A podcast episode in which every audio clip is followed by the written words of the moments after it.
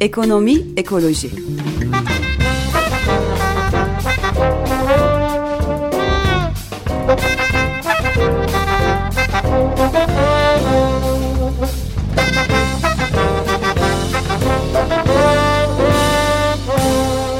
Hazırlayan ve sunanlar Pelin Cengiz ve Barış Gencer Baykan. 94.9 Açık Radyo'dan Ekonomi Ekoloji programından herkese merhaba. Bu hafta çok değerli bir konuğumuz var. Ee, kendisiyle bir telefon bağlantısı gerçekleştireceğiz. Profesör Doktor Tanay Sıtkı Uyar, Marmara Üniversitesi öğretim üyesi, Türkiye Çevre Platformu Koordinatörü ve aynı zamanda Eurosolar Türkiye kurucu üyesi. Yayınımıza hoş geldiniz hocam. Hoş bulduk. Ee, isterseniz şöyle başlayalım. E, bu e, birkaç hafta önce açıklanan bu IPCC raporunu e, konuşuyoruz e, epeyden beri. Bu hükümetler arası iklim değişikliği panelinin ortaya koyduğu rapor. E, bu rapor bize e, iklim değişikliğinin e, ana e, müsebbiplerinden e, birisi olan karbon emisyonlarının e, ana kaynağı e, fosil yakıtların dünyayı ne hale getirdiğimizi, gezegeni nasıl mahvettiğimizi ortaya koydu ve e, yani bu fosil yakıtlardan artık yenilenebilir enerjilere geçiş e, stratejisinin ne kadar e, önemli, ne kadar elzem olduğunu bize gösterdi. Fakat görüyoruz ki e, gerek gelişmekte olan ülkelerde, gerek e, gelişmiş ülkelerde hala daha e, fosil yakıtlara bir e, ilgi var işte her ne kadar bu Fukushima meselesiyle birlikte nükleer giderek daha tartışmalı bir hale gelse de özellikle kömür e, yatırımlarında, petrol yatırımlarında e, yeni planlar, projeler görüyoruz. Ama öte yandan e, bu e, fosil yakıtlardan e, çıkış stratejisi uygulamaya çalışan ve yenilenebilir enerjilere e, geçmeye çalışan e, ülkeler de var. Genel olarak e, bu anlamda tablo nasıl hem dünyada hem Türkiye'de yenilenebilir enerji ile ilgili e, neler oluyor, neler bitiyor e, bunları biraz sizden dinleyelim. Şimdi e, yani biz yenilenebilir enerji dediğimiz güneş, onun ısısı ışığı, evet. onun e, suları, su moleküllerine verdiği potansiyel enerji, e, bitkilere verdiği kimyasal enerji ve havaya verdik, havanın hareket halindeki havanın kinetik enerjisi. Bunların hepsi insanların hiçbir katkısı olmadan atmosferin içinde ben küresel hapishanemiz diyorum. Bir yaşam çevresinin enerjisini sağlıyor tamamıyla ve eksi 60 dereceden artı 16 dereceye getiriyor atmosferin içini. Tabii ki Erzurum eksi 30, e, bilmem Antalya artı 40 ama eksi 60'tan e, sağlanabilir, karşılanabilir, yaşanabilir bir hale getiriyor ve bunun içinde insanlara hiçbir fatura çıkartmıyor güneş. Evet. Yani güneşin tek kaynak olduğunu bir bilmemiz lazım hı hı. ve bunun da farkındaydı. Doğal çevrede doğaya uyumlu yaşamak zorunda olan ve onu gerçekleştiren insanlar. Hani birbirlerini öldürüyorlardı vesaire falan ama sonunda e, sabah kalkıp güneşten yararlanıp akşam da güneş batınca e, saygı duyup ertesi gün gelmesi için e, belki de dua ediyorlardı zaten. E, böyle bir yaşam şeyi kurulmuştu. Bu binli yıllardan 2000 1850'lere kadar e, böyle gitti. 1850 yılında da e, kaynak gene vardı. Yani bugün rüzgar türbinleri, güneş e, santrallarının sağlandığı, kullandığı kaynak vardı. Ama teknoloji yoktu. Onun için gene güneşin fotosentezle oluşturup yer altına bir biçimde gömülen karbon molekülleri dediğimiz kömür, doğalgaz, petrolü kullanmaya başladılar 1850'de. 1950'de e, Londra'da e, 4500 kişi bir gecede öldü. E, iki etkisi var e, fosil yakıtların. Bir çevresini tahrip eden, mesela Amerika'da 5 milyon kişi termik santrallardan dolayı kanser olmuş. Ondan sonra 1980'de yenilenebilir enerjiye geçmeye başlıyor Amerika.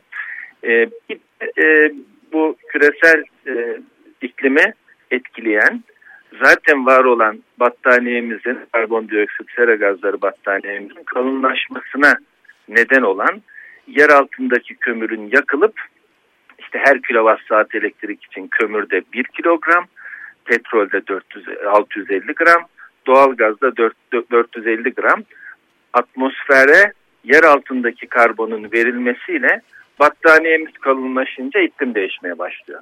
Yani me mekanizmanın kendisi güneşle işbirliği halinde e, battaniyemiz bize yaşam hacmini sunuyor atmosferin içinde. Evet. Biz yeni koşullara adapte olamayacağımız için sıkıntı çekiyoruz.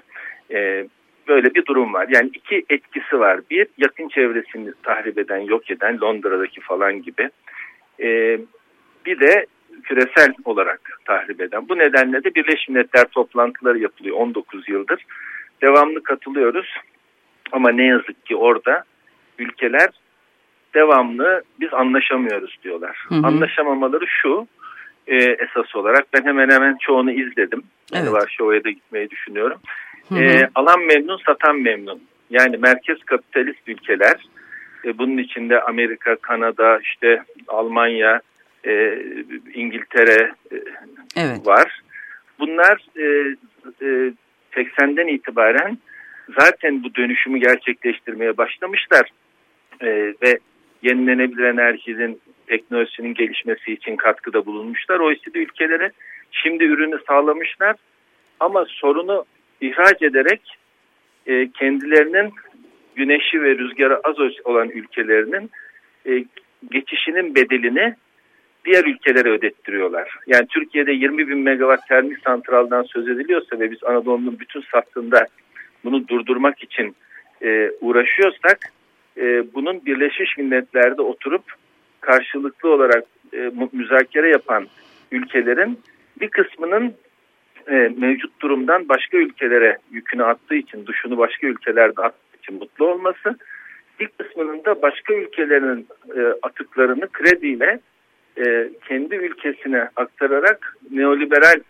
e, saldırıya ev sahipliği yapmasından kaynaklanıyor. Evet. Yani e, buradan da şuna gelmek istiyorum.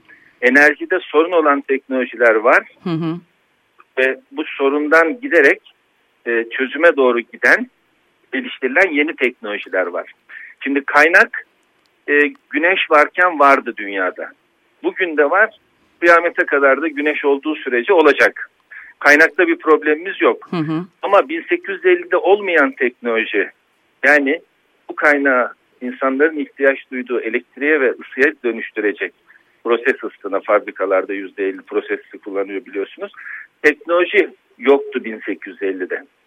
Ve merkez kapitalist ülkeler bunu geliştirmeye başladılar 80'den itibaren.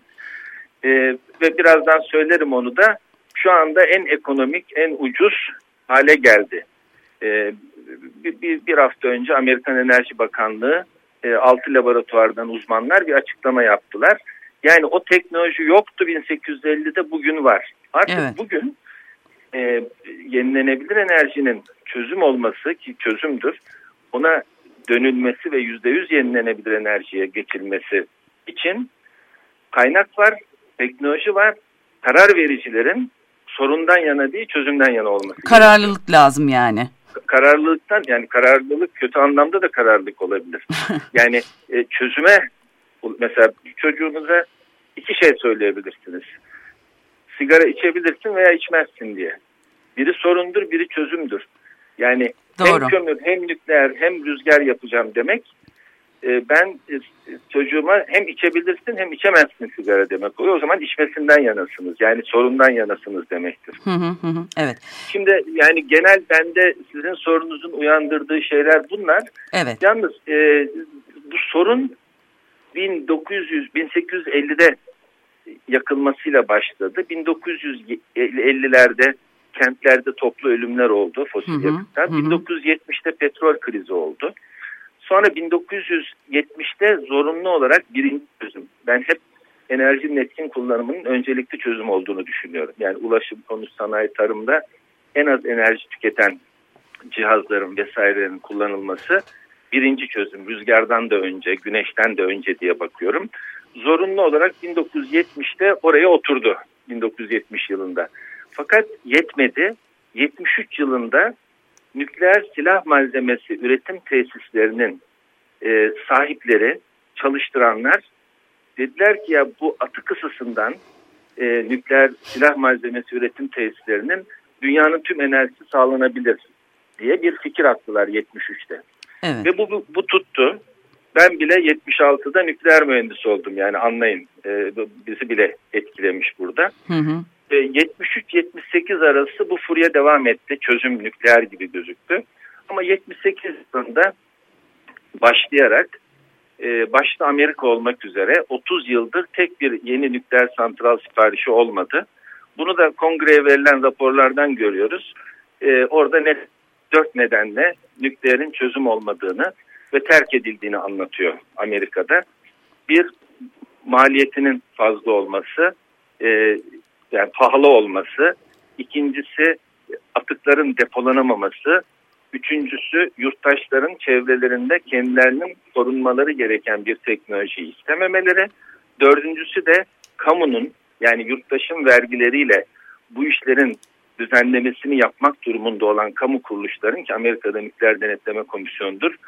E, özel firmaların e, kazaları saklamasını izlemesi, denetlemesinin çok pahalı olması nedeniyle dört nedenle 78'de dünyada bu iş bitiyor. Tabii orada bitmesiyle beraber diğer başka ülkelere kredi veriliyor, aktarılıyor. Yani başka ülkelerde insanlar kurmayı planlıyorlar. 78'de de nükleer bitiyor ve 80'den itibaren OECD ülkeleri, Amerika ve bütün OECD ülkeleri e, rüzgar enerjisi, güneş enerjisi çalışmalarını başlatıyorlar çözüm olarak yani tasarruf yetmez, nükleer de çözüm değilmiş diye. Evet. Ve bugün artık geldiğimiz noktada onu da sorarsanız söylerim yani nedir maliyetler diye. Hı hı. E, %100 yenilenebilir enerjinin tek çözüm olduğunu evet. ama önceliğin enerjinin etkin kullanımı olduğu e, artık netleşmiş durumda. Evet peki yani, hocam isterseniz buyurun. oradan devam edelim. Şimdi buyurun. tabii bu e, Türkiye'de ve belki uluslararası alanda da pek çoklarına göre ütopya olabilir ama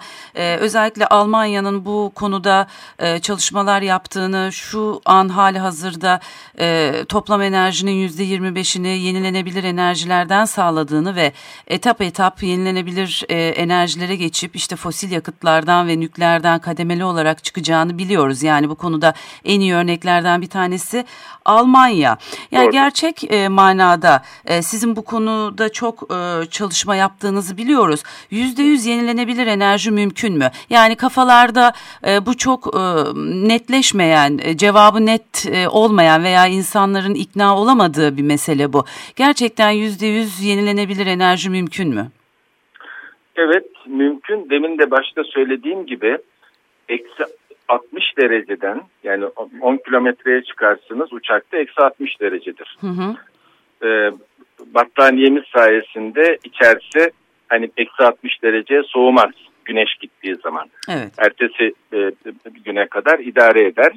Ee, eksi 60'tan ortalama 16 dereceye zaten güneş getiriyor. Yani bizim %100 yenilenebilir enerjinin mümkün olabilmesi için çok detayda bir e, savunma yapmamız lazım. Yani 16 dereceden 20 dereceye getirmemiz lazım ortalamayı. Ee, işte güneyde diyelim Antalya'da artı 40'tan 20'ye indirmemiz lazım. Erzurum'da eksi 30'dan artı 20'ye çıkartmamız lazım. Yani detay kısmı kalıyor insanoğluna ve bunun da mümkün olduğunu e, söylüyoruz. Önceliğin de Almanya mesela sizin dediğiniz e, şeye ulaşırken e, 2050'de e, benim her sene düzenlediğim yüzde yenilenebilir enerji e, tek çözüm hı hı, diye evet. bir kongremiz var. Evet ondan da e, bahsederiz birazdan. Bu sene de yapacağız. Oraya Harry Lehmann diye Almanya'da 250 kişilik bir ekiple Almanya'nın %100 enerjiye geçişini 2050'den 2040'ya çekmeye çalışan hmm. e, bizim Eurosolar'ın da e, şeyinde e, benim gibi mütevelli heyetinde olan Almanya'daki Harry Lehman, Doktor Harry Lehman var. O geldi bize anlattı nasıl mümkün olduğunu, hangi adımlarla evet. mümkün olduğunu. Hı hı. Ee, yani çözüme kitlendiğinizde hani sorundan yana e, davranmadığınızda, çözümü hedeflediğinizde onun altyapısını oluşturabiliyorsunuz. Evet. Ama aksi takdirde diyelim yenilenebilir enerjiye geçeceğim deyip şebekem dar dediğinizde yani fosil şebekeyle hı hı. E, çözüm bulmaya çalış yani çözüm olmaz dediğinizde hani parmaklarınızdan kalbinize kan vermeye benziyor bu. E, veremezsiniz. E, bir yenilenebilir enerji bir kentte kullanılacaksa e, akıllı şebeke dediğimiz her çatıda üretip her yere dağıtan akıllı şebekeyi kurmak lazım. Artı güneş varken güneşi depolayacak. Ertesi gün ne kadar o depoladığı ısıl elektriği kentte kullanacak. Hı hı. Kentin içinde yerler kuruluyor artık. Evet. Mesela biraz önce ben bir tweet attım. Hı hı. Ee, şeyle ilgili Amerika'da e, kurulan yeni Arizona'daki güneş santralı 280 megawattlık çalışmaya başladı. E, ve e, gündüz tuz bataryasında topladığı enerjiyle gece güneş battıktan sonra sabaha kadar elektrik üretmeye devam ediyor. Yani Müthiş. sadece gündüz üretmiyor santral. Evet. Şimdi bu tür yaklaşımlar gerekiyor. Hani çözüme kitlenebilmek için de fosil yakıtların e, neden olduğu toplumsal maliyetleri, dış maliyetleri hesaplamak lazım. Yani bu bir entegre bütün şey ben size sadece şunu söyleyeyim. Evet. E, %100 yenilenebilir enerji için öncelikle karar vericilerin demin de söyledim. Hı hı. Yani kaynak ve teknoloji olması yetmiyor. Teknoloji de var. Onu da sorarsanız söylerim maliyetleriyle. Evet. Karar vericilerin sorundan yana değil çözümden yana olması lazım. Yani bir apartman yöneticisi seçerken iki tane aday varsa bir tanesi e, ben şu yakındaki petrol istasyonu, gaz istasyonu falan diyorsa o sorundan yanadır. Evet. Ama bu binanın dışına kadar gelen e, güneş ve ısının ışığın farklı olup ya önce bir izolasyonlu yapalım.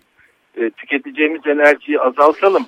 Ondan sonra da binanın dışına gelen güneşin ışığını, ısığını nasıl ışığını içeri alırız, e, e, e ışığıyla nasıl elektrik üretiriz e, diyorsa ki yasası var şu anda çıktı artık herkes e, her vatandaş elektrik abonesi olan vatandaş çatısına güneş bile koyup e, sahibi olabilir şu anda. Evet. Diyorsa onu seçmek lazım. Evet. Yani sorundan yana olan hı hı, çözümden hı. yana bunu kastı. Hani ülke çapında falan yerel yönetimlerde belediye evet. anlamında siz onu değerlendirsin. Herkes kendine pay çıkarsın bundan. Evet. Yani birinci e, şey o.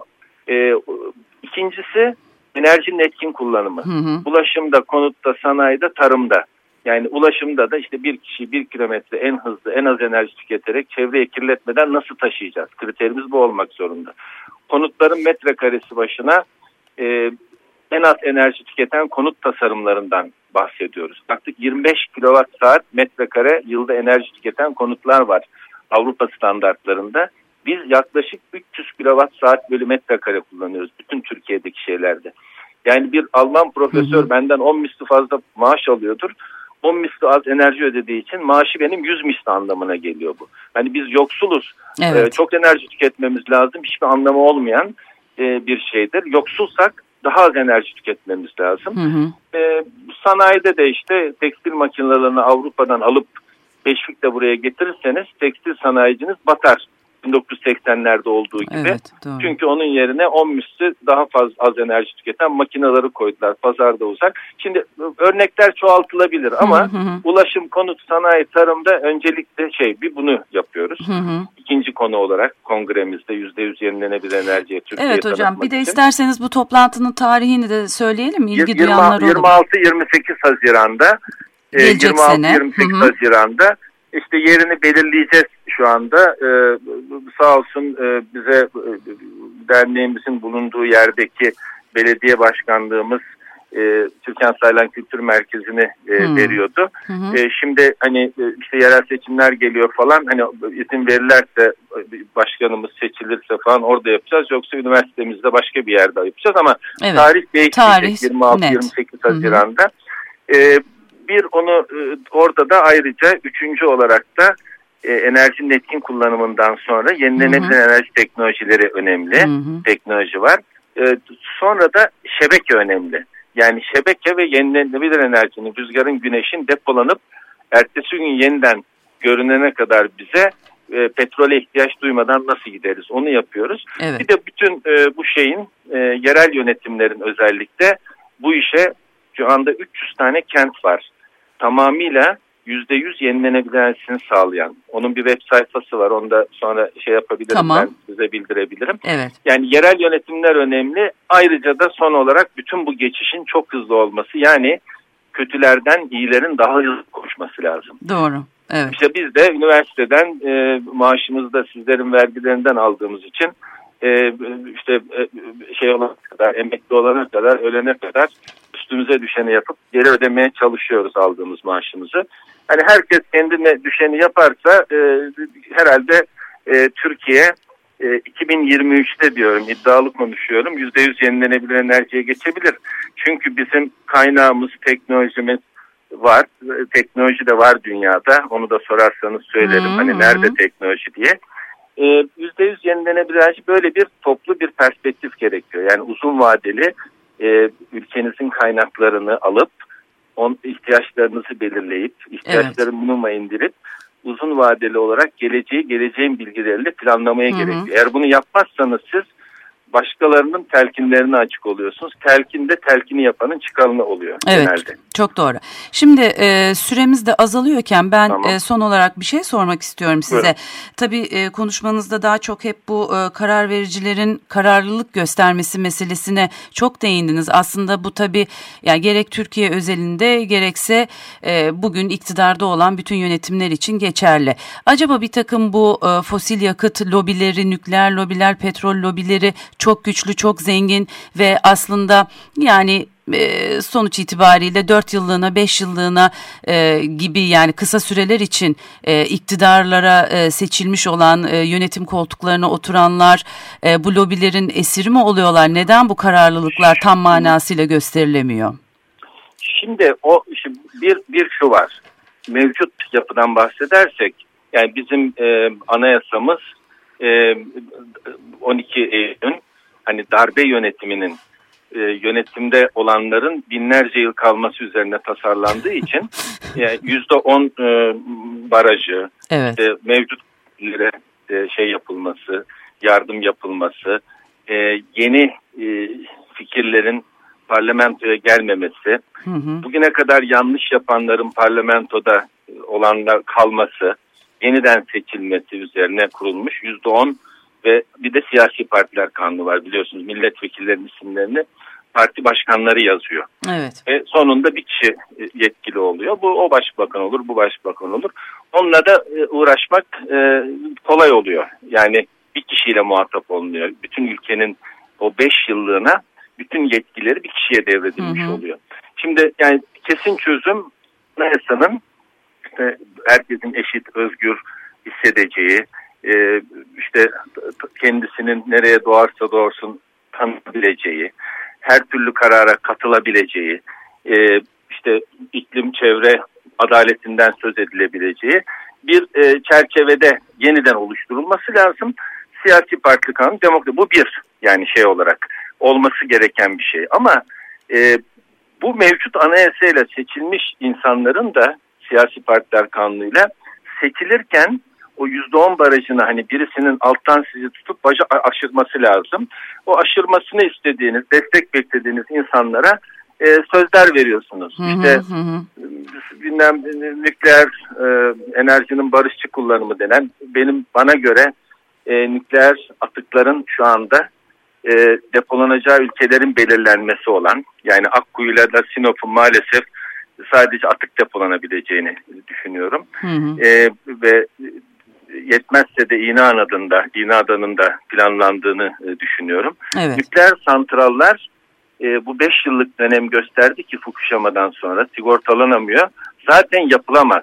Yani parası ödenmez demiyorum. Hani anlaşma yaparsınız doğalgaz anlaşması gibi 500 milyar dolarlık ihtiyacınız olmadığınız doğalgazı yapmışsınızdır e, almayacağınız doğalgazı gizli anlaşma ne yazıldığını da bilmiyoruz orada ödersiniz. Yani Türkiye Cumhuriyeti vatandaşları e, yardımcı olabilir diğer ülkelere. Hani hazineden gidiyor çünkü bu tahkim anlaşması ve hazine garantisiyle.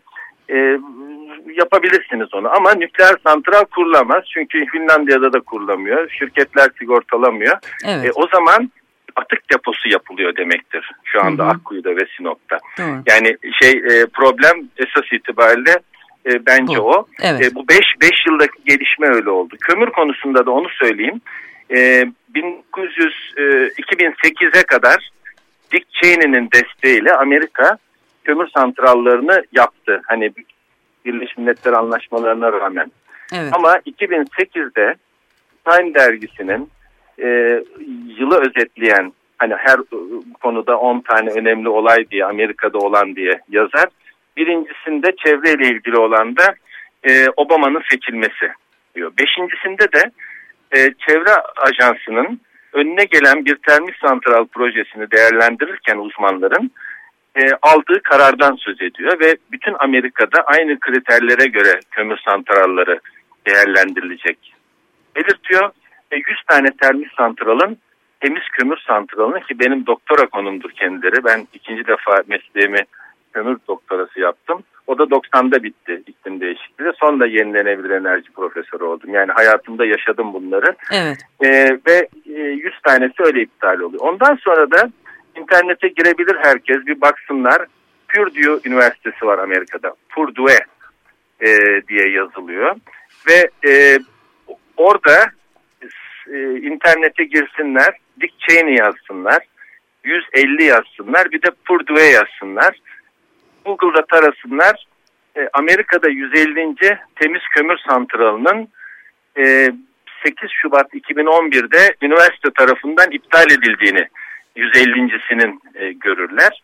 E, tabii doğal olarak da orada iptal edildiği zaman bir şey e, bize krediyle yani e, başka müşterisi varsa tabii satıyorlar gelip size kredi açarız diyorlar ve kredi bulabiliyorsunuz evet, çok evet rahat. Hocam. Yani terk edilmiş teknolojilere e, duşunu başka ülkede yapabiliyor insanlar. Yani ticaret mekanizması öyle evet, çalışıyor şu anda. Evet.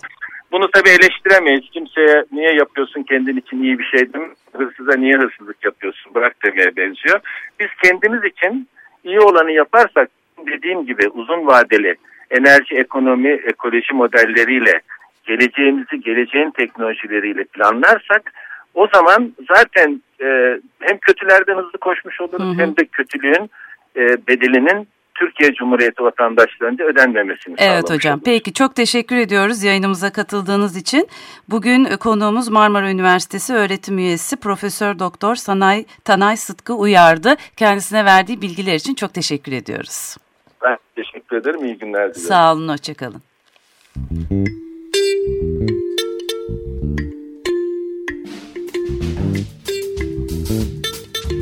Ekonomi, ekoloji.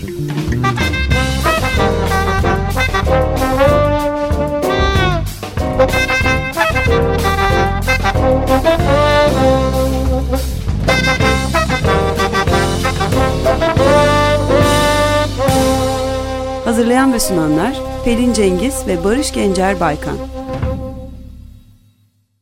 Açık Radyo program destekçisi olun. Bir veya daha fazla programa destek olmak için 212 alan koduyla 343 41 41